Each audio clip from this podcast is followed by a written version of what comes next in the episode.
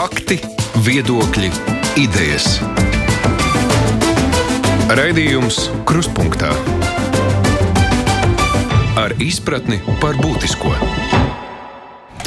Studijā Aits Tomsons. Mēs šajā stundā runāsim Droši vien vairāk par sabiedrisko transportu, ne tik daudz Rīgā, bet Latvijas mērogā. Tas pandēmijas laiks ir izaicinājums arī pārvadātājiem. Tam līdz nāk virkni jaunu prasību ierobežojumu. Runa ir gan par pasažieru skaita samazināšanu, atlaižu samazināšanu, iespējams, jaunām prasībām, masku lietošanām un tam līdzīgi.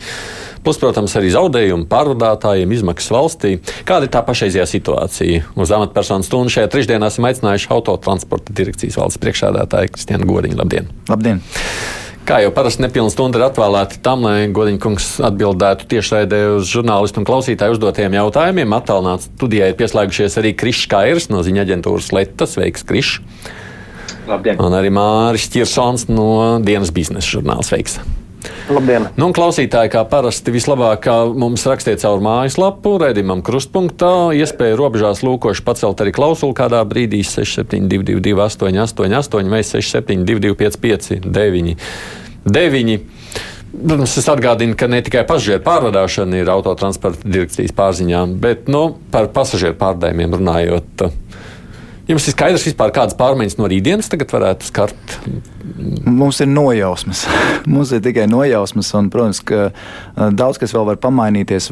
Valdības sēdē, kas būs šodien pēcpusdienā, pēc, pēc trījiem, sāksies valdības sēde. Tie galvenie, galvenie lēmumi un skaidrība būs visticamāk pēc tam, bet pamatprincipi, kas šobrīd figurē, ir pasažieru ietilpības ierobežojums pilsētas transportā un interesanti noformulēts piepilsētā, lai gan mums tāds īsti dalījums nav, bet pilsētas transportam 50% ietilpības ierobežojums. Samērā strikts uzsvars noteikti tās pašas masku lietošana, bet nav atrunāts šobrīd, ka tās būtu respiratoru mhm. maskas, jo jāņem vērā arī tā pieejamība, un tām maskām tā pieejamība nav šobrīd vēl atrisināta. Uh, Un uh, tas lielākais neskaidrais jautājums, uh, un man gāž riņķī pilsētas un pārvadātāji tieši uh, paš, lielajās pilsētās, kas būs ar uh, pašvaldību atvieglojumiem. Uh, tur, tur man negribās uzreiz kaut kādu skaidru pateikt, kamēr es nezinu to lēmumu, bet uh, tas viens no, viens no lēmumiem, kas bija jau pieņemts, kad uh, sākot ar nākamo nedēļu, pašvaldību atvieglojumu piemērojam tikai tām personām, kurām ir certifikāts. Tātad viņi ir vai nu vakcinēti vai izslimojuši. Bet uh, iespējams, ka šeit varētu būt arī kaut kādas izmaiņas. Iespējams, ka tas ir tiek, varētu būt arī plašāk, ka tas netiek dalīts uh, un pašvaldība, uh, pašvaldība atvieglojumi netiek piemērot vispār vai kaut kādai daļai netiek piemērot. Tā kā uh, tur jāpagaida. Es negribētu šobrīd pateikt, ka simtprocentīgi skaidrs, ka šādā virzienā, bet ar, par ietilpībām visticamāk tā būs. Uh, Par masku lietošanu, jā, veidināšana un vispārējās lietas, kas īstenībā jau ir zināmas un bijušas, tās visticamāk arī tiks uz, uzsvērtas. Ne, kas nozīmē, ka, ja savukārt tas ir tikai vakcinētajiem, nu, tad arī kāpjot autobusā vai vilcienā pie reizes būs jāsteigā apkārt ar vakcinācijas certifikātu arī tur. Nu, pirmkārt, pilsētas transportā, ja tas ir manuālais darbs, jo tāda elektroniskā validācija vai identifikācija vairāk vai mazāk ir Rīgas satiksmē. Un daļai mērā, mērā arī Reizeknē un Jūrmalā. Bet pārējās pašvaldībās būtībā tā ir fiziskā kontrole. Tas nozīmē, ka iekāpjot iekšā, kont iekšā kontrolē, tad to pārbaudu varēs veikt. To nevarēs darīt autobusu vadītājs pilsētā vai tramvaja vadītājs Jā. vai trolēbus vadītājs. Tas nav iespējams. Un šeit ir tas jautājums vēl cits, ne tikai pašu pārvadātāju uzņēmumu gatavība, bet uh, otrs uh, bloks, kas ir datu pārbaudītājs un devējs NVD, Nacionālās veselības dienas, kurš attiecīgi dos to zaļo vai, vai sarkano krāsu uh, konkrētai personai, vai viņi ir uh, ar certifikātu vai nav. Jo, protams, ka nedz Rīgas satiksmē šāda informācija ir uh, ne, ne citiem uzņēmumiem. Un tad tā informācija par tiem etaloniem plānots, ka tiktu sūtīta NVD, un attiecīgi pretī ir informācija, vai šai personai mm. ir piemērojama atlaide vai nav piemērojama. Šis ir tas tāds, tāds tehniskais uztraucošais moments. Var sanākt arī tā, ka no praktiskās puses, lai to varētu realizēt ar to 25. 20, 25. datumu, to nemaz iespējams pat tīri tehniski nepaspēs izdarīt. Tas, ka tiek, tiktu novirzīts vai pārmainītas plūsmas, tas būtu pareizi. Nu, tādā ziņā, ka saprotot, ka ja ir atlaides atsevišķām grupām, kuru pārvietošanās nav nepieciešama, piemēram, skolas cieta. Uh, izņemot pirmo, trešo klasīti, uh, attiecīgi tad uh, tiem, eh, kas ir vecākas klasēs, skolēni, tad iespējams tā atlaide nebūtu piemērojama. Eh, attiecībā arī uz, uz eh, cilvēkiem, kas nestrādā, bet pārvietojas sabiedriskā transportā, iespējams pārvietoties tajā laikā ar atlaidi, kur ir vismazākā cilvēku plūsma. Lai ko mums teiktu dažādi speciālisti, sabiedriskais transports vienmēr būs tāds, kur lielākā cilvēku pulcēšanās ir rīta stundas un pēcpusdienas stundas, un, un tas dienas vidus vai vēl, vēl vēlie vakari nu, parasti ir uh, vistukšākais laiks. Mm. Kolēģi, kurš jautās Māri? Mm, jūs jau īstenībā aizskarāt to tēmu, bet es te paskatījos nu, pat pasažieru vilciena mājaslapā. Tad, tad uh, vilciens no Rīgas uz Daugopilī 22. attiek no Rīgas 18.01. Daugopilī viņš pienāk 21.18. Es atvainojos, nu, pēc patiesības sakot, visiem jābūt mājās. Tad, ko Daugopilī stāvēs policija un visus attiecīgos Daugopils braucējus uh, ņems tur priekšā vai ko darīs, vai arī jūs ņemsiet, ņemsiet no šos transports. Un šis jau nebūs vienīgais. Šeit es vienkārši paņēmu vienu piemēru vilcienu, bet es domāju, ka šādi autobusi, kas ienāks pēc pulksten astoņiem gala punktā, būs neviens viens. Prot, protams, un mums arī jārēķinās, ka ir viena daļa, kas strādā, un darba laiks eh, nav gluži klasiskie 5 vai 6 vakarā.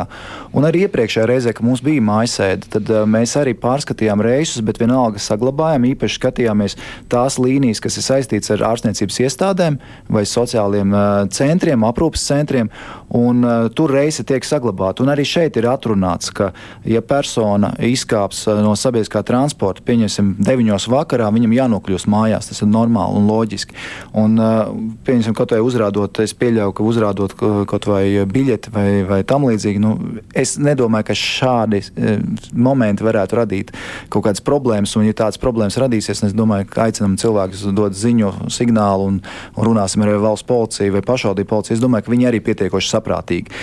Tas, tas tā doma ir tāda, ka sabiedriskais transports netiek apturēts pulkstens 20 bet tiek vērtēts, vai tajās līnijās ir nepieciešamība pēc sabiedriskā transporta vēlāk, pēc 20. Līdz ar to mēs arī skatīsimies, noteikti būs pārskatīti skolēnu maršruti, jo pagarināsies skolēnu, var teikt, brīvlaiks. Līdz ar to mums arī maršrutu tīkls pārveidosies, jo mums aptuveni 20-25% no tīkla ir pakārtots tieši skolu vajadzībām. Līdz ar to neaizbēgam, tur būs izmaiņas. Un uh, arī par šiem laikiem būs noteikti reisi, kas būs arī 10. vakarā un 11. vakarā. Vienkārši tie ir tie, tie reisi, kur cilvēki viena daļa, kas strādā tajās darbvietās, kur nevar darbu izdarīt attālināt. Mums jāsaprot, ka joprojām uh, nevaram mēs saražot produktus un preces uh, mājās caur, caur datoru. Jā. Mm. Jā. Kriša.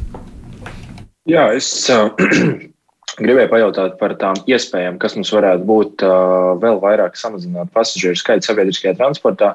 Vairākās ministra kabineta sēdēs veselības ministrija ir izvirzījusi to kā vienu no galvenajiem uzdevumiem, uh, lai mazinātu šo cilvēku kontaktēšanos tā saucamajā sarkanajā zonā. Kā mums pašlaik ir, piemēram, ar šoferiem, autobusiem, vai mums vispār ir iespējas palielināt, piemēram, reisu skaitu, un tas ir neskaitot arī šo atlaižu samazināšanu. Vai ir kādi vēl veidi, kā mēs varam nu jā, principā, samazināt cilvēku kontaktēšanos sabiedriskajā transportā? Mm, paldies par jautājumu. Vietā un tas, ko mēs izdarījām pirms divām nedēļām, mēs veicām pārvadātāju aptauju tieši uzdodot jautājumu, ja tiek piemērots ierobežojums, un tajā brīdī vēl nebija diskusija par mājasēdi. Un tas, kas mūs uztrauc, ja ieliks 50% ierobežojumu, tad aptuveni 30, gandrīz 30% reisu tiktu skarti. Mēs vienkārši analizējām, cik tad pārvietojas cilvēki, un pie 50% ietilpības 28% reisu tajā brīdī būtu jau ap, riska zonā, kad mm. pa 5 vai 10 vai 15% vairāk braucēji nekā 50%. Un mēs veicām šo aptauju, un tas, ko norādīja praktiski visi pārvadātāji, arī šodien runājot ar Rīgas satiksmi pielikt klāt uh, reisus nevar uh, viens vai nu dēļ autobusu. Ir limitētā skaita, jo nestāv jau tāda liela rezerve. Tāpēc, ka pārvadātāji jau arī veidojot savus piedāvājumus, plāno atbilstoši tai vajadzībai, kāda reāli pastāv. Un otrs arī šoferu ierobežotais skaits, līdz ar to arī uh, palielināt tos reisu skaitu būtiski nevar. Un mums tas, kas varētu būt tas riskantais moments, šī prasība, kad ar 15. novembri ir publiskajā sektorā strādājošiem ir jābūt uh, ar certifikātu, kas uh, skars uh, pašvaldību uzņēmumus, pašvaldību kapitāla sabiedrības, un tādas, kas nodarbojas ar pārvadājumiem, mums Latvijā ir šobrīd pietiekami daudz. Līdz ar to arī jautājums, vai mēs esošā kapacitātē reisu skaitu varēsim nodrošināt, nemaz nerunājot par kaut kādu likšanu klāt. Tas, ko jūs sakāt, nu, varētu nākties, ka kādiem šoferiem būs jā, jāatvadās no darba. Jā? Iespējams, vi, vismaz redzot, arī veicot aptaujas, vismaz, kas ir mūsu rīcībā, tie, tā informācija un statistika rāda, ka vakcinēto īpatsvars svārstās no nepilniem 40% līdz pat 90%. Un skaidrs, ka šobrīd pēdējās nedēļās tā vakcinācijas intensitāte ir kāpusi. Mēs redzam arī, ka tie vakcinācijas centri visai pilni. Arī uh, mēs redzam pēc, pēc informācijas, kas ir, kad uh, cilvēki ir uzsākuši to procesu. Problēma vēl viena cita lieta, uh, ieliekot šo datumu. Es nezinu, vai ir padomājuši resursi pietiekami, vai cilvēks var paspēt. Jo tad, kad izskanēja šis plāns un lēmums tika pieņemts, būtībā rēķinot šo datumu no tā brīža, kaut vai viņš nākamajā dienā pieņem lēmumu uzsākt vakcinācijas procesu, sanāca, ka izņemot uh, to vakcīnu, kur ir viena reize vajadzīga, Pārējām vakcīnām tas datums ir nevis 15, bet 17, 18, 19 novembris. Un tas sanāk tā, ka cilvēks ir uzsācis to visu procesu, pēc likuma burta būtu jāpavalk svītra. Bet praktiski mēs redzam, ka tas cilvēks jau to vakcinācijas procesu ir uzsācis un, un praktiski būs jau dabūjis otro poti. Tur var sanākt kāds 2, 3, 4 dienas, jā, kurās būs jā, grūtības. Var arī būt tā. tā kā, tas ir tas stāsts arī, ka tie termiņi iespējams, ka tur varēja padomāt drusku, iedot, iedot to laiku nedaudz uh, lielāku, lai var cilvēki normāli paspēt. Mm. Es uh, mēģināšu palicelt arī klausuli. Halo! Halo! Jā, lūdzu! Jūs, es, es Jūs, runāt? jā, runājiet, jā. Es nezinu, vai jūsu ciemiņš var, varēs atbildēt. Sakiet, lūdzu, CSDD, kā strādās eh, pēc 21. Vai tur nevajag pagarināt, kam ir no 21. līdz 5, uz 15. novembri? Nu, tad, tad es es mēģināšu ziņā. pavisam īsi, bet tas vēl jāprecizē. Vismaz sākotnēji tas plāns bija tāds, ka CSDD paši iet uz um, tā saucamo zaļo vidi, ja viņu darbinieki e, ir ar certifikātu, bet uh, klientus vēl pieņem uh, ne tikai bez certifikāta, bet arī bez testa. Bet te varētu tā situācija mainīties, ņemot vērā arī pastiprinātās prasības. Kā, tas noteikti vēl jāprecizē. Un es domāju, ka CSDD arī izplatīs jau arī paziņojums. Jā. Māri. Es tomēr atgriežos pie tā jūsu teiktā. Man radā, neradās pārliecība, ka vispār tie sabiedriskais transports varēs eksistēt, ja tiešām tur kaut kāda daļa uh, transportu vadītāji nevarēs turpināt darbu. Tad ir jautājums, kas tur notiksies vispār ar transporta reisiem. Jo, ko darīs Rīgas satiksmes, pat nestādos priekšā trolēļbusos, autobusos, tad viņi vienkārši nebūs, ja tie cilvēki nebūs vakcinēti. Jeb tiešām, kā jūs sakiet, uh, būs kaut kāds vēl saprātīgs, nu, nezinu, dažas dienas, varbūt kāda nedēļa pārējais periods, kurā tad varētu kaut kādā veidā šo jautājumu atrisināt. Jo pretējā gadījumā būs sabiedriskā transporta krīze. Es varu tikai uh, izteikt tās domas, Un to informāciju, ko es zinu, protams, ka veselības ministrijas rokās vai speciālistu rokās ir lemt par to datumu kaut kādām nobīdēm, bet runājot ar Rīgas satiksmi, ir, tā, uh, ir informācija, ka ir uh, apmēram 600 cilvēki pateikuši, ka viņi uzsāk vakcinācijas procesu, un Rīgas satiksme arī organizē nākamās nedēļas sākumā un šīs nedēļas beigās vakcināciju tieši pirmo vakcīnu. Līdz ar to pēc matemātikas jau skaidrs, ka šie cilvēki nevarēs paspēt līdz 15. un, un aptuveni 200 cilvēki vai vairāk kā 100 cilvēki ir plāno iet prom no darba.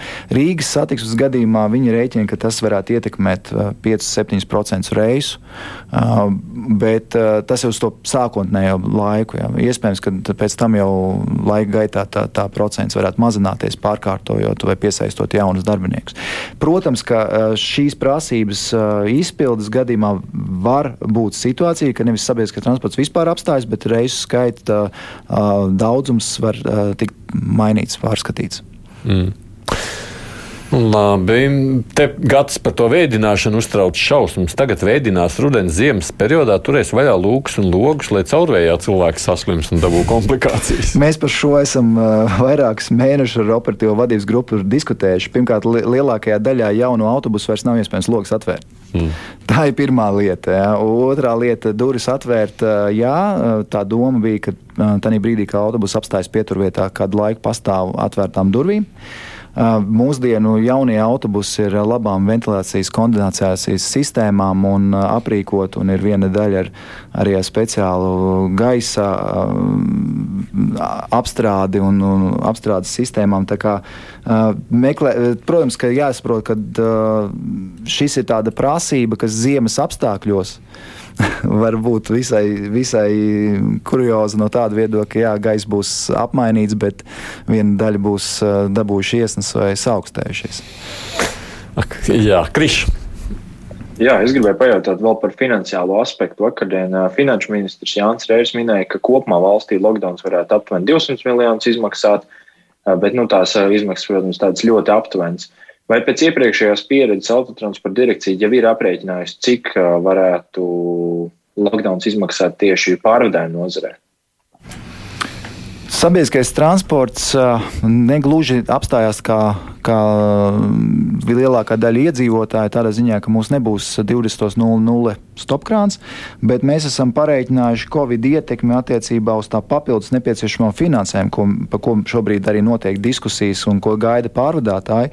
Tad rēķinot kopā autobusus un vilcienus, tad no Covid, jeb Covid ietekmētie tieši zaudējumi uz atlikušo finansējumu daļu, ko mums vajag, ir aptuveni 8 miljoni. Tātad tā ir tā daļa, kas ir tieši Covid ietekmēta. Tas nav tikai daļa. par vienu mēnesi, tas ir vispār tas ir par, beigām, var teikt, par pusgadu otro. Par, pusgadu, par otro pusgadu līdz gada beigām. Jo par pirmo pusgadu tika papildus finansējums piešķirts tieši saistībā ar Covid sekām. Uh, un par otro pusgadu mēs uh, esam uh, šobrīd situācijā, ka mēs gaidām to papildus finansējumu, lai pārvadātāji varētu saņemt naudu, jo, jo šobrīd uh, ir tā, ka avansa maksājumi par oktobru, novembru un decembri mēs nevaram izmaksāt, jo uh, tur ir bāzē nulle.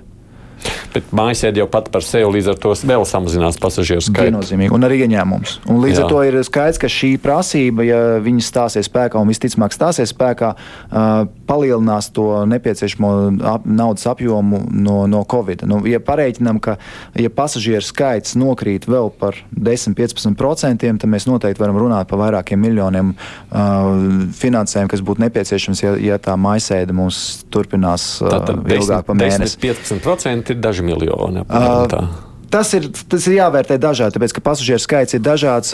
Viena, kas brauc ar atlaidēm, 100% apmērā, viena, kas maksā. Tā tā situācija ir dažāda. Mēs redzam, kāda pasažieru skaits norēģēja pagājušajā nedēļā un autobusos uh, reģionālā satiksmē pasažieru skaits samazinājās par 20%. Uh, vilcienos par 9%. Šī, šī tik strauja samazinājums mums nav bijis pēdējos septiņus mēnešus. Tā kā var teikt, ka cilvēki nobremzēja savu pārvietošanos visai jūtami. Šonadēļ ir skolēnu brīvlaiks, līdz ar to pasažieru skaits objektīvi, protams, arī dēļ skolēnu brīvlaika ir mazāks parasti. Bet pagājušajā nedēļā nebija brīvlaiks, un, uh, un te, tas bija tas pirmais lielākais kritums. Un, ja pilsētās tas kritums nav tik liels, tad reģionālā satiksme samērā ātri norēģēja uz uh, dažādiem ierobežojumiem un plānotiem ierobežojumiem. Mm.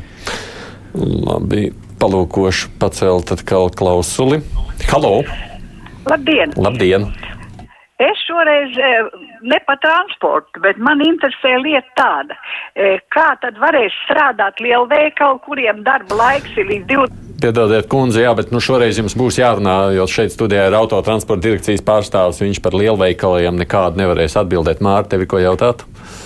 Jā, es atkal atgriezīšos nedaudz pie tā paša Daugopils vilciena un Daugopils reisa, kur, ja es nekļūdos ar septembri, tātad Daugopils autobusu parks, es nezinu, vai šobrīd jau brauc arī, kas saka, otrs komerc pārvadātājs, bet faktiskajā līmenī jūs droši vien varētu pakomentēt, pa cik mainījās transporta plūsma ar šiem autobusiem pasažieru pārvadājumos apmēros un pa cik viņš pieauga vilcienā.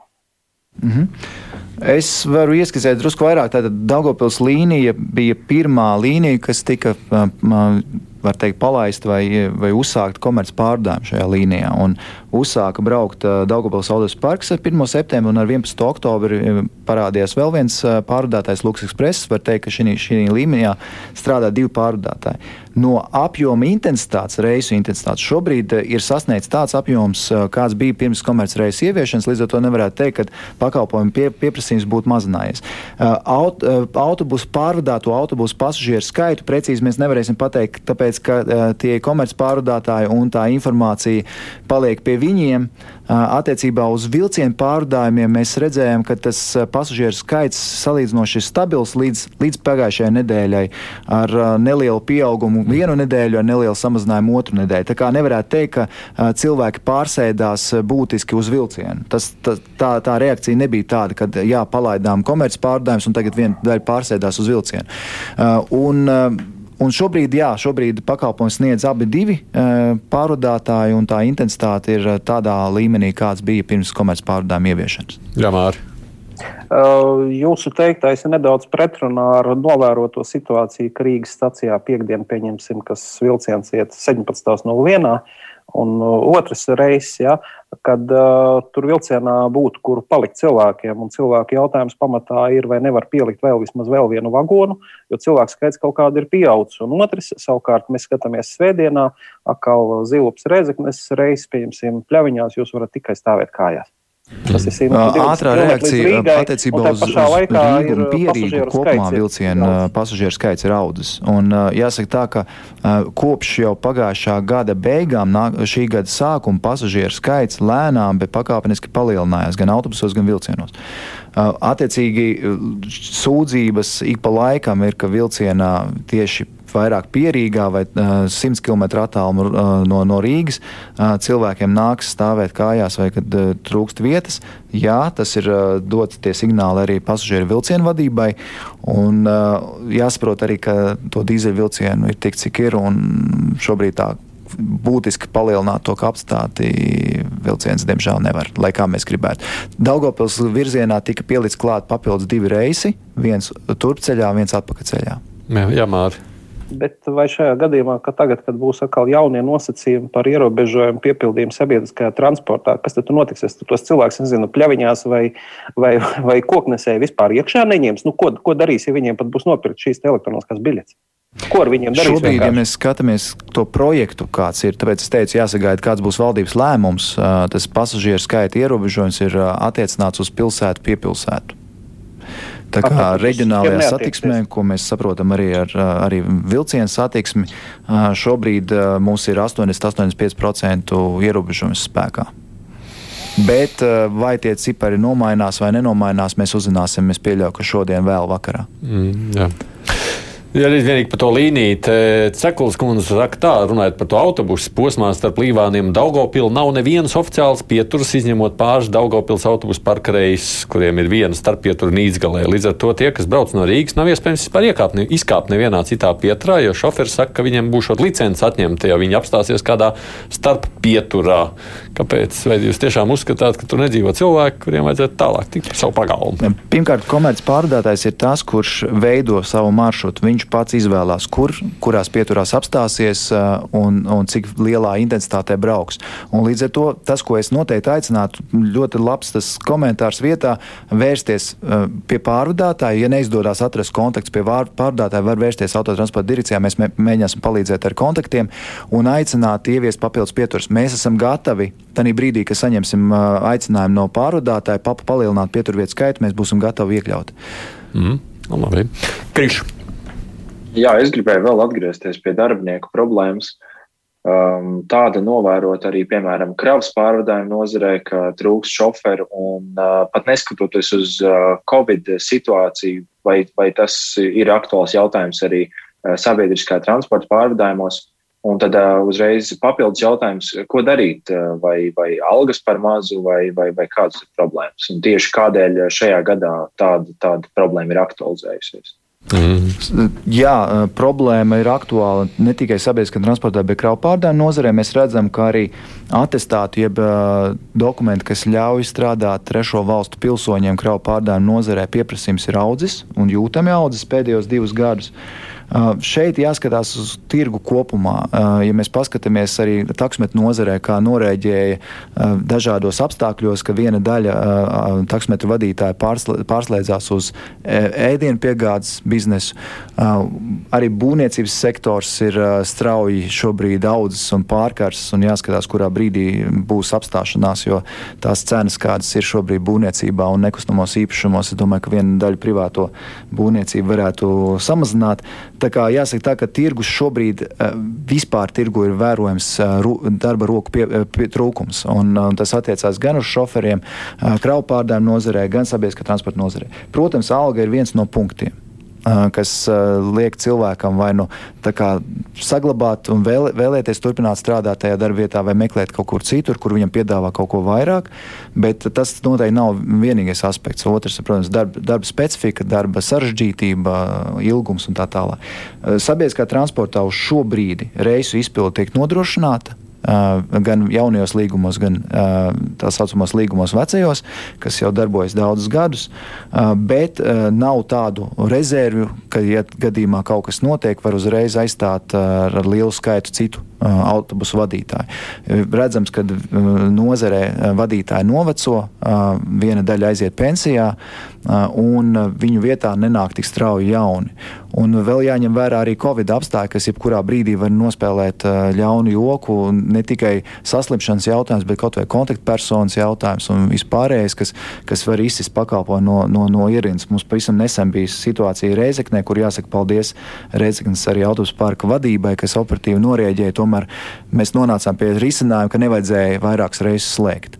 Ja tikai drīkst šajā kontekstā vēl no manas puses, mēs jau redzējām, kas notiek Lielbritānijā, tur ar šoferu trūkumu un kā viņi tur joprojām mēģinot armiju iesaistīt cīnās ar šo.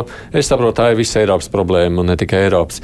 Bet skatoties šajā konkurences cīņā starp Latviju, es saprotu, tas ir starptautisks tirgus. Jā. Tas vairs nav tikai viens iekšējais Latvijas tirgus. Mēs spējam vispār šobrīd konkurēt, runājot par autovadītāju piesaisti. Es ja mēs paskatāmies uz kravu pārdājumu nozari, tad uh, tie galvenie kriteriji, ko mēs skatāmies, ir uzņēmumu skaits uh, un transporta līdzekļu skaits. Un tad ja 21. gads pret 20. gadu, 21. gadā ir neliels uh, gan uzņēmumu skaita pieaugums, gan transporta līdzekļu skaita pieaugums. Un, un arī notiek pakāpeniski tomēr transporta līdzekļu atjaunošana. Tas nozīmē, ka uh, uzņēmumi pagaidām spēj eh, piesaistīt un noturēt uh, vadītājus, bet viena daļa to var izdarīt uz trešo valstu pilsoņu rēķina. Tas, kas mūs uztrauc, uh, ka mobilitātes pakotne ar nākamo gadu, ar februāri paredz manuprāt, es teiktu, ļoti neloģisku un, un no Eiropas zaļajiem kursam pretrunīgu prasību reizi astoņās nedēļās atgriezt transporta līdzekli. Tas nozīmē, ka ir jau veikts arī pētījums. Tas nozīmē, ka mm, tā prasības izpilde radīs uh, CO2 izmešus uh, tādā pašā apmērā, kādu saražo Igaunija, vesela Igaunija gada laikā. Tas nozīmē, ka šī prasība ir pretrunā zaļajam kursam, šī prasība vairāk izskatās pēc protekcionisma, uh, vec, saucamajai vecajai Eiropai.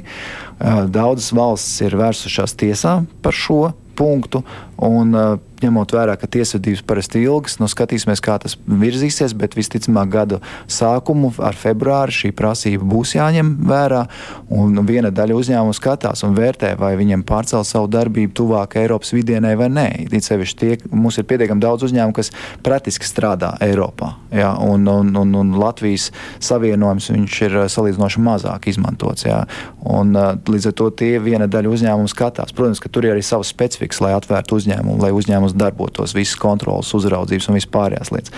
Bet uh, šī prasība, manuprāt, ir absolūti neloģiska. Mm. Labi, šis tāds aspekts, par ko mēs neesam šeit runājuši. Es atgādinu, ka šeit jums ir iespēja iztaujāt autotransporta direkcijas vadītāju Kristiānu Godiņu. Man kolēģi ir Mārcis Kirsāns un Krišs Skaidrs. Ir tie, kas jautā un neklausītājiem iespēja zvanīt un rakstīt.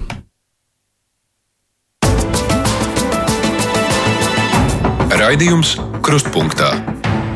Māri.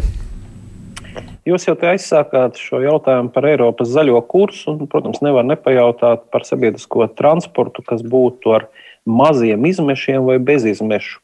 Cik mums šobrīd tādu ir daudz, un cik gadu laikā mēs varam nonākt pie tā šāda transporta Latvijā? Jaunajos līgumos, kas šobrīd gan uzsākuši savu darbību, gan ir noslēgti, 9% no visa parka ir bezizmešu, jeb elektrobusi. Un, jāsaka tā, ka mēs piekdien beidzot varēsim vērt vaļā piedāvājumus uz atlikušajām septiņām lotēm, un tad varēsim precīzāk pateikt, cik būs vēl tie, tie piedāvājumi. Un, protams, ka zaļo, zaļais kurs ir tas, uz ko Eiropa virzīsies. Arī šobrīd, sākot ar augustu, iepirkumos ir ielikta prasība, ka 30% no uh, transporta līdzekļu parka, neatkarīgi vai tas būs pašvaldību iepirkums, valsts iepirkums, ir jābūt jābūt bezizmešu. Un, uh, tas nozīmē, ka tas kurs virzās ar vien vairāk, sevišķi gan sabiedriskā transporta jomā, uh, gan arī tiek veicināts privātais uh, transporta pārēju uz bezizmešu vai mazāk izmešu transporta līdzekļu. Un vēl skatoties uz noslēgtiem līgumiem, tad mums vidējais autobusu parka vecums ir zem pieciem gadiem, kas nozīmē, ka tas ir Eiro 6 būtībā klases dzinēji ar mazāku degvielas patēriņu un CO2 izmešiem nekā tas ir Eiro 4, Eiro 3 uh, klasē, kas kas, kas šobrīd vēl daļa uh, brauc. Mm. Jā, Māri. Vai šis elektrotransports, taču, ja nekļūdos, maksā dārgāk nekā šis parastais elektrotransports? Tas ir viens jautājums. Un otrs, kādas tas seks atstāja variants A uz biļešu cenām, vai arī otrs variants īstenībā uz šo dotācijas apjomu, kas tad nu, valstī faktiski jāsamaksā šim pārvadātājiem. Neapšaubām elektromobilitāte ir dārgāka, ja mēs skatāmies kaut to pašu veiktspēju vai to pašu sēdvietu skaitu pret klasisko iekšdedz zinēju, bet tā ir prasība, uz ko virzās visa Eiropa. Un jāsaka tā, ka daudzās Eiropas valstīs jau pilsētas satiksmē praktiski tikai ir bezizmešu transporta līdzekļi.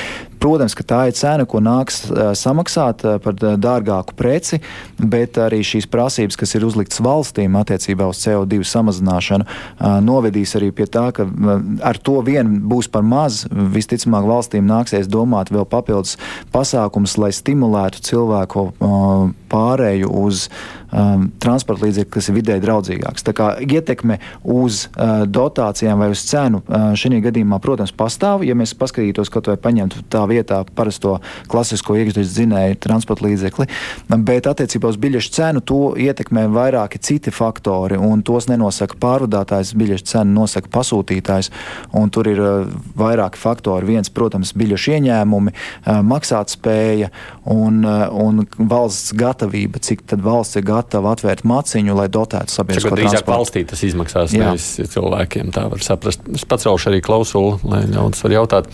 Halo! Labdien! Labdien. Uh, varbūt kaut, kaut ko nokavējies, nu tikai ieslēdz jūsu rādījumu, bet jautājums tāds.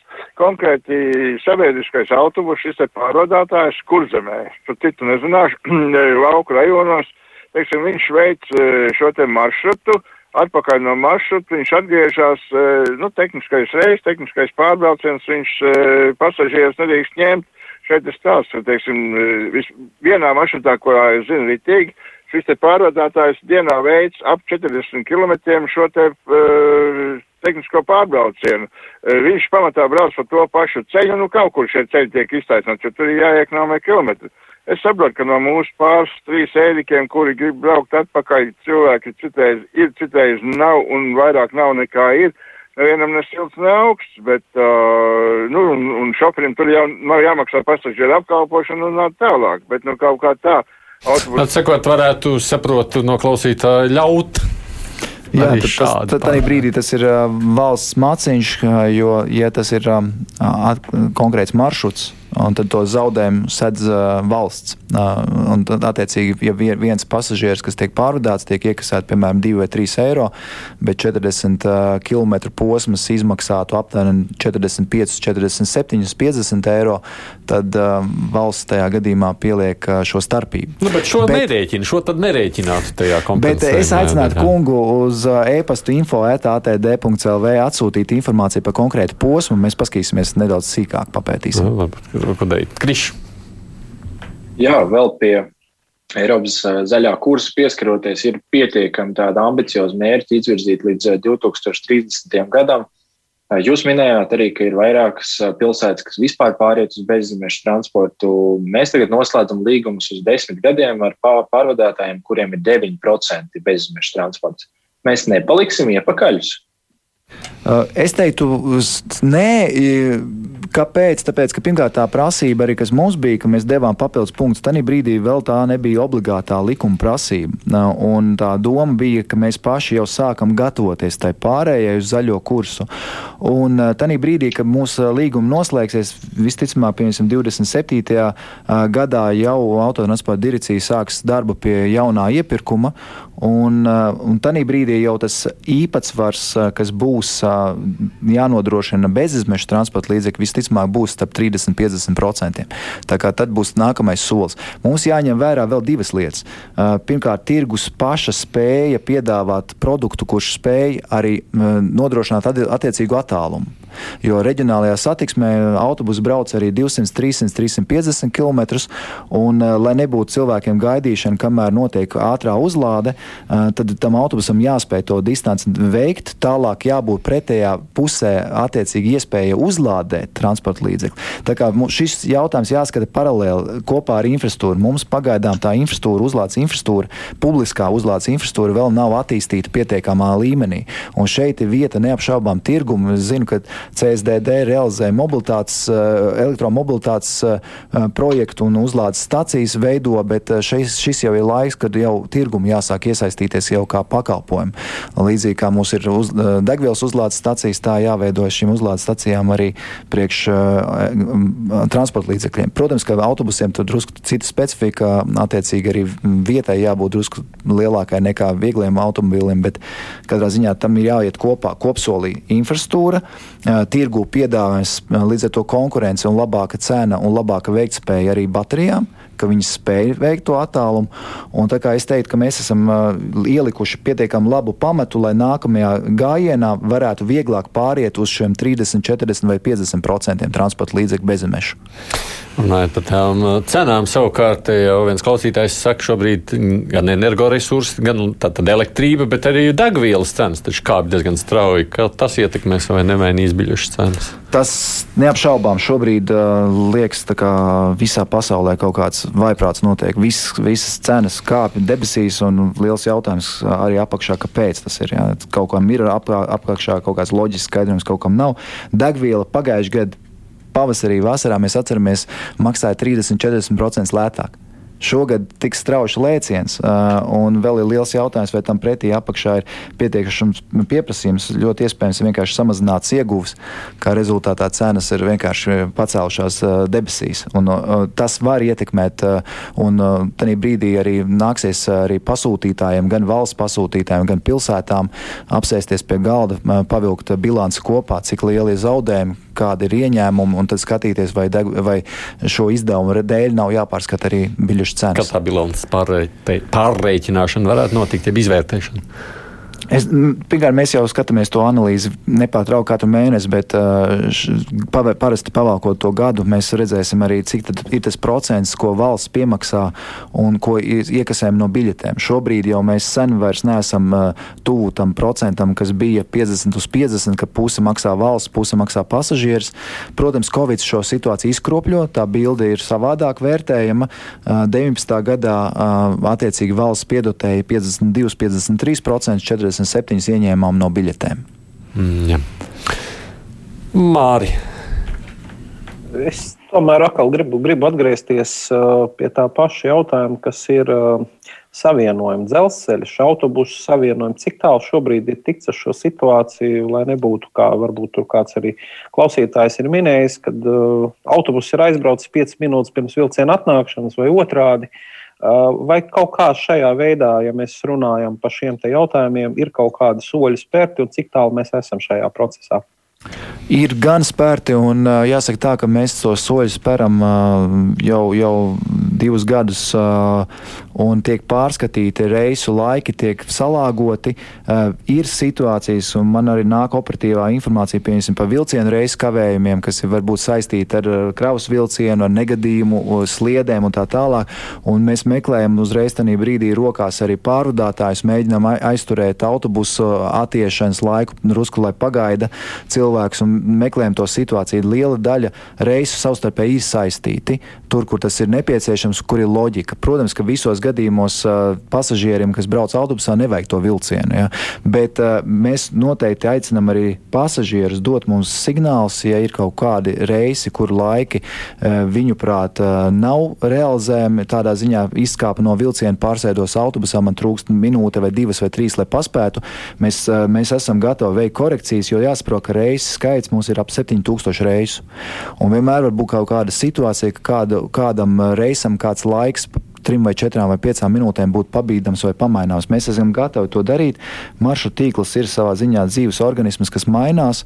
Arī apdzīvotība mums mainās, mēs pieturvietas mainām, mēs laikus mainām. Tā kā dodat mums vienkārši zināt, zināt pa konkrētām vietām un, un noteikti reaģēsim. Mums ir vairāki reisi, kas ir sasaistīti ar vienoto biļeti, piemēram, braucot ar vilcienu uz aizkraukli. Pretī ir autobuss uz aizkrauklas staciju, kas tālāk aizgādā uz aizkrauklas centru. Mēs šobrīd strādājam pie biļešu noliktavas, kas šo uh, vienotās biļetes konceptu varēs veidot jau daudz fund fundamentālāk, jau plašāk uz, uz visām biļetēm - autobusu, autobusu, autobusu vilciens. Un, uh, un šīs, šīs, šie savienojumi jau tajā brīdī mums ļauj arī labāk iz, izvilkt ārā tos gadījumus, kad, uh, kad tie laiki īsti nav labi jā, salāgoti, un, un tad veicam mēs korekcijas. Nekas, protams, nav perfekts, bet mēs esam gatavi pilnveidot, uzlabot un, un tā, lai pasažieriem būtu ērtāk. Pacelšu atkal uh, klausuli. Halo! Labdien! Labdien. Uh, diemžēl tikko nesen radu, bet uh, Covid kontekstā jautājums būs konkrēts. Uh, piemēram, man uh, sievas māte, nu, bijuša sievas māte, piemēram, sagribējušas viņu apciemot, ja, un ja tiks slēgtas pilsētas, vai, vai var ievest kaut kādus zaļus maršrutus, piemēram, lai cilvēks varētu konkrēti uz konkrētu vietu aizbraukt turp un atpakaļ, un tas būtu likuma ietvaros. Kā jūs to domājat, ko nozīmē zaļi maršruti? Nu, kaut kā tā. Ko jūs domājat ar vārdu zaļi maršruti? Nu, piemēram, es tik slēgta balvu pilsētā, piemēram, jā, kā pagājušo gadu. Bet vai tad ir kaut, kaut kāda iespēja aizbraukt pie, pie sīvas matas, vai ja, ja pilsēta ir slēgta, tad viss jau tikai savā, savā pašvaldībā varēšu atrasties. Un, un... Nu, es sapratu, ka cilvēks ieslēdz tikai radioaparātu nesen, viņš domā, ka atcels visu sabiedrisko transportu. Nē, es neesmu pagaidām dzirdējis Visa, visādi brīnumi ir iespējami, bet es neesmu dzirdējis arī, kas pilsētas tika slēgtas. Lietuvā tā bija, ka reģionus norobežoja un pārvietošanās ārpus reģioniem nebija iespējama. Par, par Latviju mm. es, es neesmu pagaidām to dzirdējis. Sabiedriskais transports kursēs, tas, kas varētu būt, varētu tikt pārskatīti kaut kādi atsevišķi reisi nu, pilsētās un reģionos, kur, kur pildīja kaut kādu noteiktu funkciju, piemēram, skolēnu reisi, skolēniem pagarināt brīvlaiks vai reisi, kur, kur nav īsti sasaistas ar, ar, ar slimnīcām un, un ārstniecības iestādēm, sociālajiem centriem un tam līdzīgi. Bet to certifikātu pārbaudīšanu, Aleksandrs saka, tā Daugopilī joprojām ir konduktori. Viņi tirgo biļetes un vēlas, varēs arī pārbaudīt tos certifikātus. Bet uh, kur ņemt Citur viņiem nav. visiem jaunus vietāluņus ar skeneriem, jo tur jau daudziem ir telefoni vēl ar pogām joprojām. Mēs to aptauju arī veicām, jāsaka, tā reģionālā satiksmē, ja, kas ir mūsu pārziņā esošais lauciņš. Un, lai mēs to realizētu, šo prasību, ja pēkšņi būtu uzlikts reģionālajos autobusos, tā kā sākumā bija doma valsts atvieglojumiem, piemērot šo nosacījumu, tad, nu, nu, šī, šīs prasības realizācija būtu vairāki simti tūkstoši, lai vienkārši kaut vai nopirktu uh, telefonu, jo jāņem vērā, ka mums ir vairāk kā tūkstots uh, autobusu. Un, un, un līdz ar to arī attiecīgi autobusu vadītāji 1500, 1400, kuriem katram, ja mēs rēķinām kaut vai pa 100, 150 eiro. Vienkāršāko telefonu, Jā? Tad, tad, tad tās, tās izmaksas sanāk samērā lielas. Mm. Krišs. Jā, es gribētu paprasīt par taksometru nozari. Arī cenas ir kāpušas pakalpojumi diezgan ievērojami. Uh, pats aptaujājot dažādus taksometru nozares pārstāvjus, uh, secināja, ka viņi uzskata, ka cenas mūsu valstī pat ar vienu ir pārāk mazas, ja salīdzinām ar kaimiņiem, salīdzinām ar Rietumu Eiropu. Jūsuprāt, tā ir, ka mums ir pārāk zemas cenas un šie te zemo cenu pārvadātāji, piemēram, Panda taksija, Bolts, arī Jandeks, mūsu cilvēks ir izlutinājuši zināmā mērā. Zināmā mērā ir. Es ieskicēšu varbūt to situāciju, kāpēc tāda situācija bija un, un kas ir šobrīd noticis. Bet arī šobrīd ir bijuši gadījumi, kad mēs esam saņēmuši signālus, ka cenas ir, ir, ir lielas, nu, tādas pat neloģiskas um, īsiem attālumiem. Bet sākšu ar to, kāpēc tā situācija izveidojusies. Vēsturiski bijis tā, ka uh, gan, gan Jandeks, gan, gan, uh, gan Bolts uh, piedāvājot pakalpojumu pa pandu ir atsevišķs stāsts, bet uh, Jandeks un Bolts piedāvājot savu pakalpojumu pakalpojumu viņš piedāvāja viņu bieži vien divas, trīs reizes lētāk nekā klasiskais Rīgas taksmetra parka pakalpojums maksāja. Un, uh, sākot ar 1. jūliju stājās spēkā prasība pēc katra brauciena nosūtīt datus valsts ieņēmuma dienestam. Un valsts ieņēmuma dienests ieguva īstenībā ļoti labu ainu. Viņš varēja redzēt, cik tad īstenībā tie braucieni tiek veikti kāda ir samaksātā nauda, un tad rodas lielais jautājums, kā no tās naudas kaut, kaut kādas sociālās garantijas tiek maksātas. Un šobrīd cilvēki, nu, saprotot, ka viņi riskē ar to, ka viņu darbība var tikt pārtraukta, uh, viņi ir pārskatījuši šīs cenas. Tas ir viens no argumentiem, samērā būtisks arguments. Otrs ir, protams, ka tajā brīdī, kad uh, palaida uh, brīvāk cilvēku kustību, atceramies, ka mums bija visai ierobežota pārvietošanās un vispārējais, arī tajā brīdī arī pakalpojumu sniedzēju skaits samazinājās, un viena daļa pārslēdzās uz ēdienu, ēdienu piegādi. Un tad, kad palaida to visu brīvāk, tad piedāvājums nespēja noreaģēt pret, pret pieprasījumu, un tās cenas pieauga. Šobrīd ir situācija tāda, ka tajās mazāk pieprasītajās stundās cena ir nu, dārgāka nekā tas bija pirms jūlija, ja? bet tā, tās ir samērīgas cenas, bet pīķa stundās viņas var, var būt pat vairākas reizes lielākas nekā pārējā laikā. Tā kā tā, šobrīd tirgus situācija ir sāka stabilizēties, normalizēties. Pirms kāda laika tā cenas bija uzgājušas ļoti augstu. Jā. Daļa taisnības ir arī žurnālistu kunga teiktajā, ka, ka salīdzinot ar Rietumu Eiropas valstīm, mēs, mūsu pakalpojumu sniedzējs bija pielitu, pieredzinājis pie pie cenām, kas nav standartā taksometra pakalpojumu. Tās cenas bija tuvu jau sabiedriskā transporta pakalpojumu cenai. Hmm. Bet par takšiem runājot, Helmiņkungs jautā, lūdzu pajautājiet par takšu ierobežojumiem konkrētajā situācijā. Nu, Protams, kā šī komandants stunda vispār ietekmēs taksometru. Uh, tur ir plānots, es arī vēlreiz mm. uzsveru, lai nes, nesnāk tā, ka cilvēki paņem to kā jau apstiprinātu, jo to nelem godiņš vai ATD, to lem ministrs kabinets, bet ir plānots, ka tiks ierobežots uh, pasažieru skaits, it sevišķi tajā laikā, kas ir 25 laiks, pēc 20 vakarā, eh, mājasaites laikā, saprotot, ka viena daļa cilvēku tāpat dosies uz darbu vai no darba, vai uz ārstniecības iestādēm, vai, vai kādos eh, ārkārtas situācijās, ir paredzēts, ka nevarēs sabiedriskā eh, taksometra atrasties vairāk par vienu pasažieri vai vienas mājasemniecības locekļiem. Vēl var būt situācija, ka, tiek pavadīta nepilngadīgā persona un to pavada radinieks, bet ne no vienas mājasemniecības. Nu, piemēram, vecmāmiņa vai, vai, vai vectētiņš pavada bērnu un, un tam līdzīgi. Tā kā ierobežojumi būs, Uh, tie visi iepriekšējie ierobežojumi attiecībā uz maskām, masku lietošanu paliek spēkā, protams, bet arī skaitliskais ierobežojums visticamāk būs. Bet es tiešām aicinātu cilvēkus uh, pagaidām, pagaidām, lai nav tā, ka uh, pēc tam pateiks, ka rekord solīja vai teica to, bet īstenībā no, tika pieņemts kaut kas cits. Māri taksometriem runājot, vai jūs pieļaujat situāciju, ka, pieņemsim, nezinu, ar 2023. gadu uh, taksometri, kas nāks iekšā, viņiem būs jābūt nezinu, tikai elektrotaksometri vai ļoti mazizmešu taksometri automašīnas. Uh, tādējādi risinot divus jautājumus. Pirmām kārtām bezizmešu transports, mazāks CO2, uh, vienlaikus arī trokšņa līmenis. Tāda šī situācija mhm. varētu būt. Tur ir liela daļa loģikas jautājumā, un ir pilsētas, kur pašas pilsētas var šīs prasības noteikt. Transporta līdzekļiem tur arī tiek noteikts prasības attiecībā uz auto, transporta līdzekļu vecumu, izmešiem, vai pat nosakot, ka taksometrs var būt tikai bezizmešu transporta līdzeklis. Šobrīd vismaz manā rīcībā nav tāda plāna, kad ar 23. gadu taksometri varēs būt tikai bezizmešu vai, vai kuru vecums nedrīkstēs būt mazāks par. Vecuma ierobežojums šobrīd pastāv tiem taksometriem, kuri apkalpo lidostu Rīgu. Tur mm. ir attiecībā uz, uz izmešiem ierobežojumi, līdz ar to arī attiecībā uz autotransporta līdzekļu vecumu arī. Mm. Kad ATD, tātad jūs direktīva piedāvās kvalitatīvus atvērtos datus, lai var izveidot tehnoloģijas, kas būtu labāk par ATD izmantotajiem Google un Telekom pakalpojumiem? Mums ir atvērtie dati. Jāsaka tā, ka mēs bijām vieni no pirmiem, kas arī eh, Google piedāvāja eh, un arī ir atrodami visi kustību virzieni gan ar autobusiem, gan ar vilcieniem. Mums, ko līdz būs noslēgti jaunie līgumi ar visiem pārvadātājiem, ir paredzēts, ka pārvadātāji dod mums GPS datus.